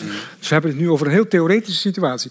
Maar daarmee hebben we ook, uh, creëren we dus een wereld waar dieren verdwijnen. Althans, waar alleen nog de wilde dieren zijn en geen dieren om ons heen. En daarom zeg ik dus, op grond van het historische proces dat al heeft plaatsgevonden, laten we niet de illusie koesteren dat we die hele geschiedenis ongedaan maken van de domesticatie. Bovendien, die dieren zijn genetisch ook veranderd door onze, door onze domesticatie al eeuwenlang. Kunnen zich niet meer in de natuur handhaven. Laten we dus op een andere manier voortgaan. En dan zou ik zeggen, kunnen we aanknopen voor een deel op eh, experimenten die al lang plaatsvinden in de marge, waar weinig aandacht aan besteed wordt. Dus biologische veeteelt, kleinschalig, die op, voor een deel weer teruggaan naar de ouderwetse bedrijven van vroeger. Dus veel kleinere bedrijven, decentralisering, veel minder, geen minimale gewelddadigheid en dwang, dieren buiten zo, lagere productie en bevrijd van de dwang tot eh, productie en winst. Ja. Maar dat betekent dus, en dan komen we het volgende, maar daar kan ik misschien op ingaan. Dat betekent dus dat heel onze voedselindustrie eh, moet veranderen. En dat er een hele tra- transformatie moet plaatsvinden van heel de maatschappij. Namelijk van de druk van, het van de kapitalistische economie. Daar kom je altijd op uit. Er wordt een opname gemaakt. We hebben net een nieuwe landbouwminister. Ik hoop dat ze luistert, maar ik vermoed van niet. Ik heb geen eh, goede Nee, veel verwachting daarvan. ehm, eh, ik, ik wil even terug op dat antropocentrisme. Wat me verbaasde in het begin van je verhaal... eh, had je het over ehm, eh, een, een, een, een stroming in de, in, in, in de filosofie... de wijsgerige antropologie... die zeg maar voortbouwend op de evolutionaire biologie... Ja, ja. iets zegt over, over de verhouding tussen mens en dier... de, de stelling van de mens... Eh, je leek te verwijzen naar mensen als Martin Heidegger, eh, Arnold Gehlen, dat soort, dat soort mensen. Het verbaasde mij een beetje, omdat in dit verhaal, zeker in het verhaal van Martin Heidegger, die zegt ja, dieren. ik heb niet aan Heidegger gedacht hoor. Heidegger, had Heidegger juist niet. omweld en, en Nee, Heidegger juist niet Oké, hoor. Nee, nee, dat verbaasde me al. Maar, maar, maar, maar, maar, leek, maar, maar die, die filosofische antropologie lijkt nog steeds eigenlijk uit te gaan van een, een onderscheid, een antropologische differentie op de een of andere manier tussen de mens en het dier. Maar dat is toch eigenlijk onzin? Dat is toch ook niet wat jouw verhaal eigenlijk. Nou, ik zeg niet, Zegt. nee, nee, ik zeg niet onzin is. Ik, eh, ik denk, ik, Nee, dat zeg ik. Ik heb gedacht, ik heb gedacht, je mag het best wel denken, mag ik zeggen, maar ik heb gedacht aan Scheler en aan eh Plessner Ja. en aan, en Ja. aan Galen ook, maar Ja. niet zozeer aan Heidegger. Want Heidegger heeft juist een heel klassieke, eh, traditionele verhouding over het verschil tussen mensen en dier. Nee, maar als ik dus, eh, kijk, ik tast de grenzen af van mens en dier in het licht van de nieuwe ontwikkelingen. Dat doe ik. Ik zou dus bereid zijn een stapje verder te gaan dan de filosofische antropologen van de jaren 30, 40, 50. In zoverre eh, eh, ben ik dus, of laat ik zo zeggen, ik probeer zoveel mogelijk een naturalistische manier tegenover de mens te Ja. staan, zonder te vervallen in het andere uiterste, in een, wat ik noem een plat naturalisme.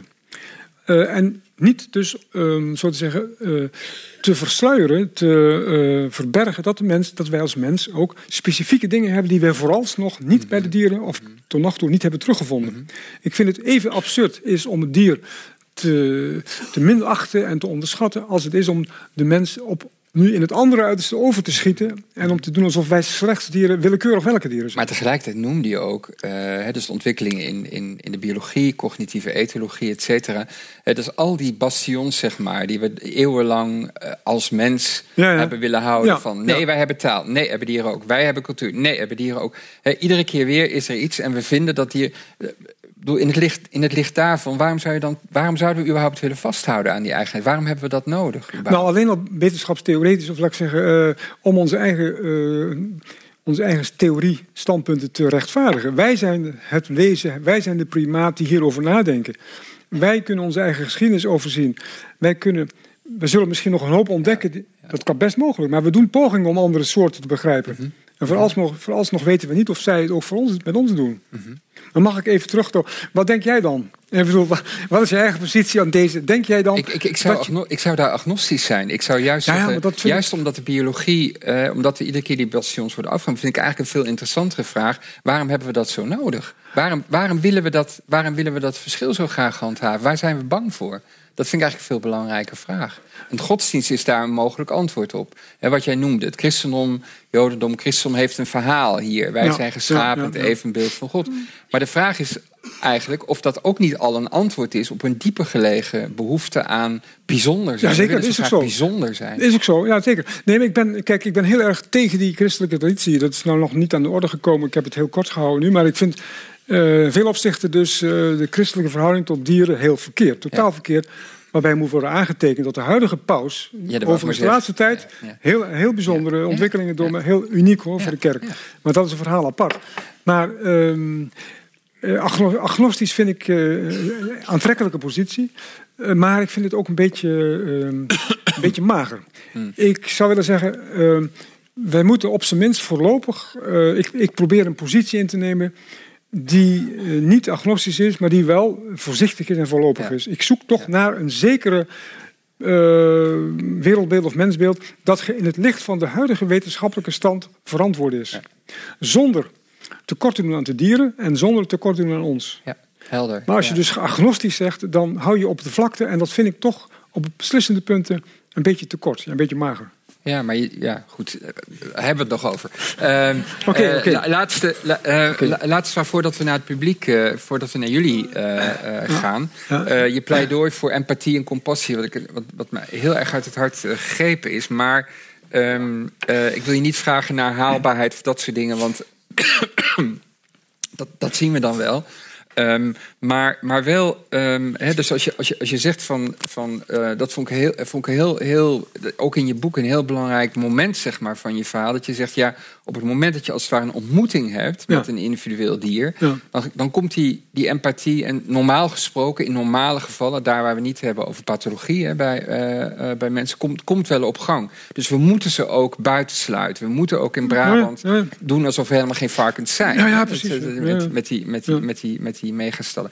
Maar wat is er voor nodig om, om deze selectieve compassie... Ik heb wel compassie met mijn hondje Vicky... maar ik heb geen compassie met het rund waarvan het stukje vlees nu op mijn bord ligt, eh, zeg maar. Wat is er nodig om dat te doorbreken en deze ontmoeting, zeg maar, plaats te doen? Geen vlees eten. Te beginnen, geen vlees Om te beginnen, ja. ja. Dus dat is het meest radicale antwoord. Ja. Dat is het meest radicale antwoord. Maar uh, kijk, uh, als, als in mijn utopie, om zo te zeggen, die, waarvan ik weet dat het absoluut onhaalbaar is in Nederland, want dat dierenindustriële complex is dermate machtig. En gegeven de huidige regering is er geen enkel begin van uh, veranderingen met CDA en, uh, en, VVD. Uh, als je dus een kleinschalig bedrijf hebt met enkele koeien en enkele kippen, enkele tientallen of misschien honderd, dan heb je dus een veel persoonlijke verhouding met dieren. Dan heb je dus een ontmoeting. Dan, is, dan verandert de kwaliteit van, de, van de verhouding. Maar het allerbeste zou zijn dus geen dieren meer slachten. En in mijn utopie dus een zodanige uh, zachte omgang met dieren hebben en een geringe exploitatie, dat het dus niet meer opgelegd is van boven. Dat het dus is zoals een natural horsemanship al in praktijk wordt gebracht. Uh, omgaan met het paard door te, te luisteren naar de uh, gebarentaal, naar de lichaamstaal van het paard. Ja. Zachtaardig, zonder geweld. Ja. En dat toe te passen met nodige aangepaste veranderingen natuurlijk op de andere soorten. Mm -hmm. En ik zou me kunnen voorstellen dat Nederland, het zou volgens mij veel leuker zijn, dat de koeien na hun pensioen vrij mochten rondlopen, zodat we net als in India overal heilige koeien hebben. In plaats van de binnensteden versperd door de auto's. Nee, dat heeft weer andere bezwaren. Maar, maar goed, de minister van Transport die, uh, luistert hopelijk ook mee. Um, we hebben uh, ruimte en tijd voor vragen. Um, de speelregels zijn heel simpel. We hebben twee microfoons. Daarachter zijn twee uh, loopmicrofoons. Steekt u graag uw hand op stel. Kort een vraag met een nadruk op kort. En in de microfoon, zodat we uh, ook op de opname u uh, kunnen horen. Wie? Ik zie hier de eerste arm. Dankjewel. Hij is aan, ja. Ik lees in het boek een oproep voor een universeel mededogen. Mijn vraag is of dat ook voor het kunstdier geldt. En met kunstdier bedoel ik dan nu even dat dier wat door een fokprogramma nu op dit moment een vrij abnormaal leven leidt. Ik heb daar heel, geen antwoord op. Dat overvalt mij volledig. Die, heb ik, echt ik ben nog niet klaar tot. Wat zeg je? Maar ik ben er nog niet helemaal oh, mee rond. Er komt nog een zin. Dat is dan wel de laatste, ja. Dus het troeteldier is het probleem wat ik schets. Maar daarnaast komt dan vervolgens het dier wat we straks ontmoeten. Het dier wat genetisch gemanipuleerd, goed gevoed, goed gehouden, goed tot een einde gebracht, weinig weerstand meer zal oproepen en als bewijs van de mogelijkheid. Hij had het zo net over de kippen. Je kunt het niet zien van op afstand, Maar deze kippen, daar loopt al de rode haan tussen. Ja, Ja. Genetisch gemanipuleerd. ja, ja. ja. En zo meteen als teken, na de fossilisatie die zal optreden, van het start van het Anthropoceen. Het is denk ik helder. De, de vraag naar nieuwe dieren, zeg maar, kunst, kunstmatige dieren. Heb ik geen antwoord op eerlijk gezegd. Ik heb me dat niet gerealiseerd. Dus ik moet eerlijk zeggen, hier sta ik met mijn mond vol tanden. Ik kan hier niet goed eh, een bevredigend antwoord. Ja, oké. Gaan we verder. Ik zie daar een vraag. Ja. Op de hoek. Ja. Ja, bedankt. Ehm, u heeft het over compassie die gebaseerd moet zijn op een ontmoeting met dieren en het in de ogen kijken van dieren. Maar hoe zit dat met ehm, dieren waar we eigenlijk niet zo'n ontmoeting mee hebben of Ja. niet kunnen hebben, zoals Mhm. vissen, Mhm. insecten? Ja. Eh, hoe krijgen we daar compassie voor? Ik heb, ik heb persoonlijk heel erg moeite met compassie met muggen. Nee, maar zeker. Nee, maar daar heb ik alle, alle begrip voor. Ja. En, ik zal even gaan staan, want eh, dat is inderdaad een, een, een, een, probleem. Een, een aparte behandeling waard. Ik heb er natuurlijk van afgezien. En in mijn boek heb ik daar een klein beetje aandacht aan besteed, maar niet afdoende. Eh, want het zijn natuurlijk mooie algemene begrippen en ideeën. Maar die zouden gespecificeerd moeten worden, want we hebben natuurlijk dieren. Er zijn miljoenen soorten dieren. De, de, de, schattingen lopen uiteen tussen geloof de 2 en de 15 miljoen. Waarvan het grootste deel insecten. Want we leven in het eh, tijdperk van de insecten. We hebben natuurlijk veel makkelijker empathie en mededogen met dieren die leuk eruit zien. Een hert bijvoorbeeld, of een ree, en die je in de ogen kunt kijken. Maar veel minder met vissen die, waarvan je de ogen nauwelijks ziet. En nog veel minder met muggen, waar ik ook bijzonder weinig empathie mee heb. Met andere woorden, en dat is een zeer reële vraag die ik ook een beetje verwacht had. Ik zou het moeten gaan specificeren. En dan kom je onvermijdelijk terecht bij de verschillende categorieën van dieren. Eh, en ook soms bij subjectieve voor- en afkeur. Sommige mensen hebben de pest aan slangen, hebben de pest aan eh, spinnen, ratten enzovoort. En anderen vinden ratten weer uitermate leuke beesten, zoals Maarten het Hart. Ik heb ook niet zoveel met, met ratten. Maar als het gaat om, om heel concreet, want eh, het is een eindeloos verhaal inderdaad. Je krijgt dus een casuïstiek van hoe ga ik met die en die en die groepen dieren om. Mijn punt is, ik zou zeggen, eh, zo min mogelijk no- nodeloos doden. Zoals bijvoorbeeld, eh, ik heb het met bromvliegen, om heel concreet te zijn. Ik heb de pest aan bromvliegen, omdat ze zo verschrikkelijk zitten te brommen. en ik heb ze lange tijd gevangen en buiten gezet. Maar dan komen ze even later weer binnen, of er is een andere. En dan heb ik toch de neiging om ze dood te slaan. Dus dat doe ik inderdaad. In zoverre heb ik ook boter op mijn hoofd. En, eh, maar bijvoorbeeld doden van, van mieren, die ook hinderlijk kunnen zijn... dat doe ik bijna nooit. Dat vind ik zeer... eh, dus het is een hele subjectieve grens... En bijen zal ik ook nooit nodeloos doden, want die heb ik van dichtbij maak ik die voortdurend mee. Het heeft dus heel af en toe te maken met subjectieve voorkeur en afkeuren. Slangen zal ik nooit doden, nooit doden. Hoewel ik er ook niet zo geweldig veel mee heb. Het zijn, zijn dieren met een kille huid natuurlijk. Eh, dus is, ehm, maar ik zou zeggen, zo min mogelijk doden. Maar uiteindelijk mogen wij ook opkomen, wat ik straks straks ook al een ander verband zei, voor onszelf als dier. Wij zijn ook als dier, primaat, hebben wij onze belangen te verdedigen. Bijvoorbeeld dat wij niet last hebben van vlooien, luizen. Eh, want je kunt, heel, heel, je kunt, als je dus heel absoluut bent, kun je heel eh, categorisch bent, moet je zo ver gaan dat je dus ook bijvoorbeeld bacillen en bacteriën en virussen moet gedogen. Dan wordt het dus tamelijk, tamelijk absurd. Dus het is reëel dat je als, ook als homo sapiens opkomt voor je eigen bestaan, voor je eigen belangen. De grote vraag is, hoe ver reiken die belangen? En dan is er een heel veel discussie mogelijk. En dan ehm, zou ik inderdaad zeggen, wij kunnen in bepaalde gevallen zeker insecten bestrijden, die worden bestreden. Ik zou het nooit met, met chemische middelen doen. Ik zou het altijd biologisch doen. Maar ook met biologische middelen wordt er gedood onder die beesten. Je kunt met andere woorden, eh, ontkomt niet aan het doden van dieren. Hoe goed je ook, eh, ter wille, hoe welwillend je ook een instelling hebt, louter het feit. Als je een auto pakt, ik, doe ook, ik rijd niet zoveel auto, maar ik heb een auto. Als je rijdt, verpletter je onvermijdelijk voortdurend allerlei insecten. En soms ook wel andere dieren, enkele keer, maar insecten. Als je in een trein zit of een vliegtuig, je verplettert voortdurend dieren. En daar is, daarom is het ook zo dat, zoals je misschien weet, in India een bepaalde secte van de Jains, als ik het goed uitspreek, die lopen als ze lopen met een bezem om maar te voorkomen dat ze misschien op een dier trappen, op een insect trappen. Dat gaat dus wel heel erg ver. Bovendien, en dat is dan consequentie ook nog eens een keer, als je dus vegetariër of veganist bent, betekent dat je dus He- Helemaal dus plantaardige voedsel tot je neemt. Maar dan komt het volgende punt, en dat is, dan ook, is al ook al uitgesproken. Dan maak je nog aan een volgende fundamentele discriminatie plaats, namelijk van planten. Planten kunnen ook voelen. Zijn dan, zij het dan in onze ogen heel weinig, maar er zijn allerlei interessante onderzoeken die ook toch suggereren dat ze bepaald niet ongevoelig zijn. En dan maken we ons, wanneer we dieren zouden ontzien, weer schuldig aan een volgende discriminatie.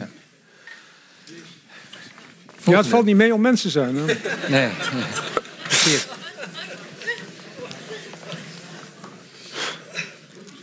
Eh, er zitten natuurlijk in deze zaal best wel veel mensen die eigenlijk vlees eten. En, eh, er zitten in deze zaal natuurlijk heel veel mensen die eigenlijk wel vlees eten. En misschien ook wel veel, en misschien wel dagelijks. Ik versta niet helemaal. Ja. Er. Zitten in deze zaal wel veel mensen die vlees eten. En misschien ook wel dagelijks.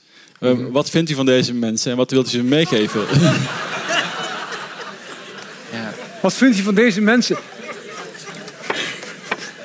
Nee, het is ab- absurd om. Ik ga, ik ga niemand kijken. Het is ook wel goed dat, omdat ik dat even zeg. Ik heb het niet over mensen, ik heb het over praktijken en ideeën. Ik zal niet gauw iemand veroordelen. Om een voorbeeld te geven, ik heb, ik ben, ik heb de pest aan, jacht, aan de jacht. En ik heb veel, in Frankrijk is de jacht veel intensiever dan in Nederland. Ik heb er echt vaak last van. En als ik met die mensen in gesprek kom, wanneer ik, toevallig wanneer ik ze betrap op mijn terrein, dan zal ik ze dus verzoeken weg te gaan. Maar dan blijkt het heel aardige mensen te zijn.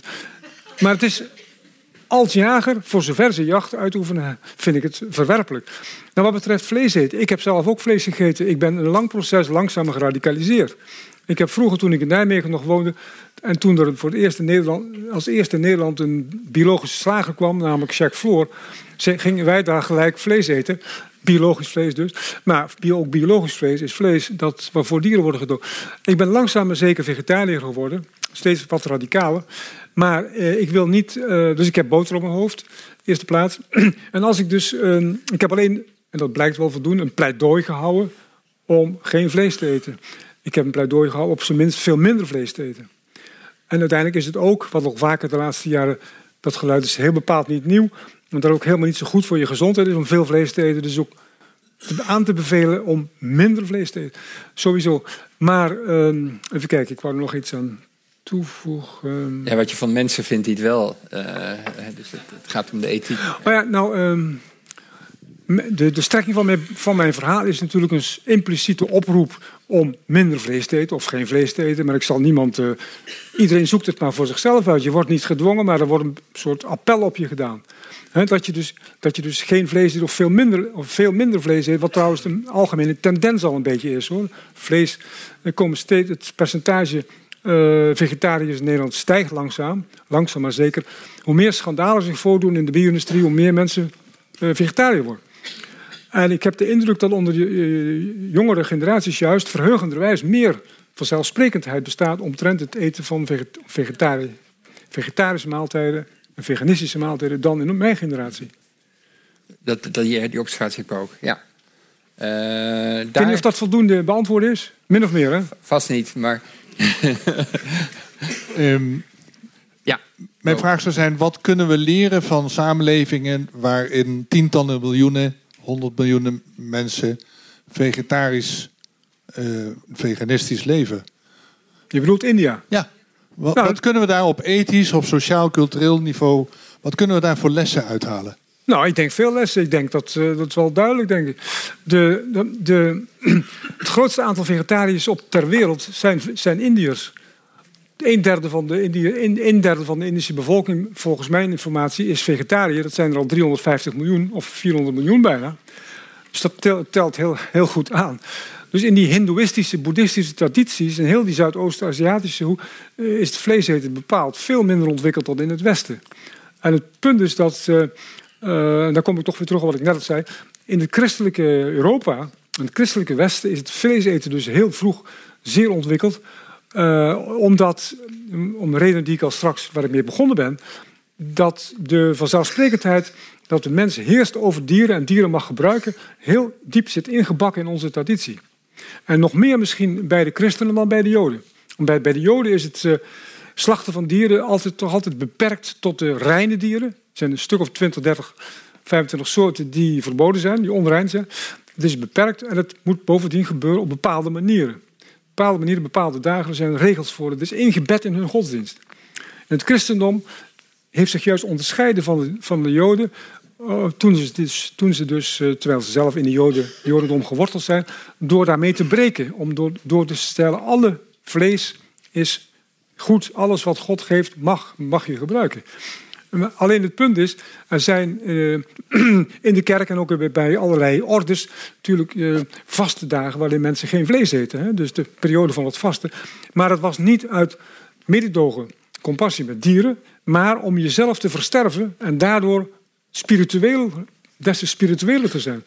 Dus daar is het dier ook, dier ook niet een doel in zichzelf, maar een middel. Het niet, dus dat zijn allemaal. Dus ik denk dat wij dus als christenen niet erg eh, on- ongunstig afsteken. eh, in ieder geval bij India en Zuidoost-Azië. Op dit gebied. Laatste vraag, want we zijn eigenlijk al over de tijd.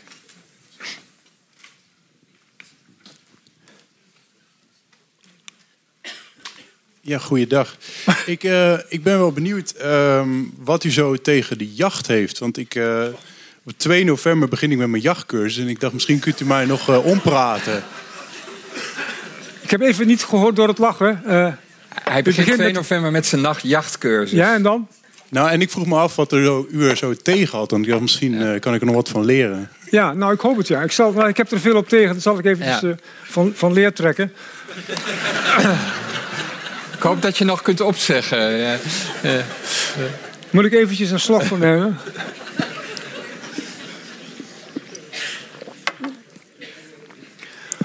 Eh, even denken.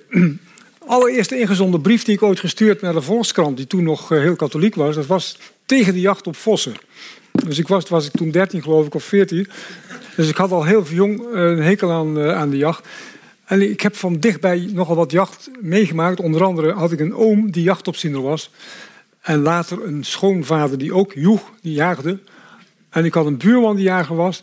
En ik zit nu al lang en woon ik in een land waar intensief gejaagd wordt, nog steeds.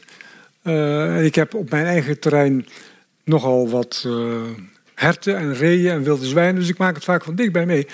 Wel nu, het algemene punt is, eh, zou ik willen zeggen... het doden van dieren en het vervolgen van dieren... en met als potentieel, dus dat je een dier doodt... voor je plezier, vind ik immoreel. Daar hoef je niet mee eens te zijn, maar goed, dat is mijn stelling. Je- je bero- berokkent dus een dier alleen voor je plezier. Want het is heel wat anders, want dat is namelijk een belangrijk verschil. Als je dus jaagt uit, omdat je dus dreigt te sterven van, eh, van honger. Omdat, je, omdat het oorlog is, omdat er een schaarste is. Of omdat je dus behoort tot een volk dat altijd gejaagd en verzameld heeft. Dat is een heel andere vorm van jagen. Eh, het gaat nu louter om de jacht als plezier, als recreatieve jacht, als hobbyjacht. In, in, Westen, in, in, in onze eigen omgeving, waar mensen goed doorvoed zijn. En dan gaan jagen voor de, voor de lol.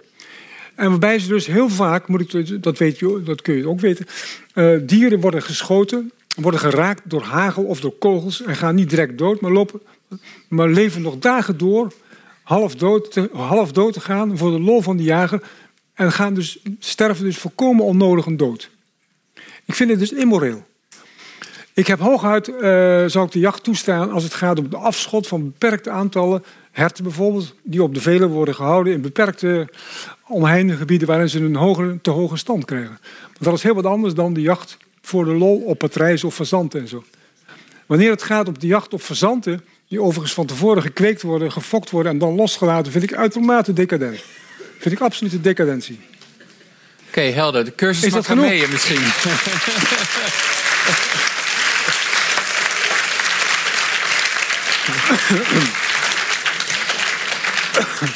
Dankjewel voor het heldere antwoord, maar vooral bedankt voor eh, de heldere en inspirerende lezing, voor de discussie erna. Eh, jullie bedankt voor jullie aanwezigheid en eh, voor jullie eh, vragen. Namens Radboud Reflex, dank jullie wel en veilige eh, ehm, reis thuis. En tot ziens bij een volgende activiteit van Radboud Reflex. Dank jullie wel.